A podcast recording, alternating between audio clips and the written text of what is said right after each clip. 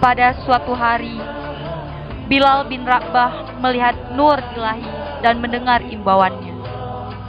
Dalam lubuk hatinya yang suci dan murni.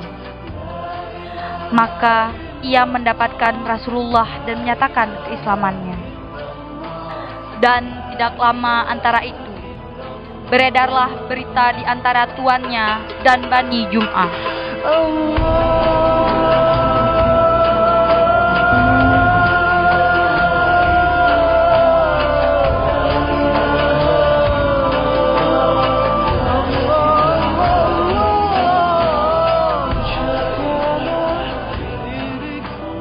Ternyata banyak budak-budak yang telah mengikuti agama itu.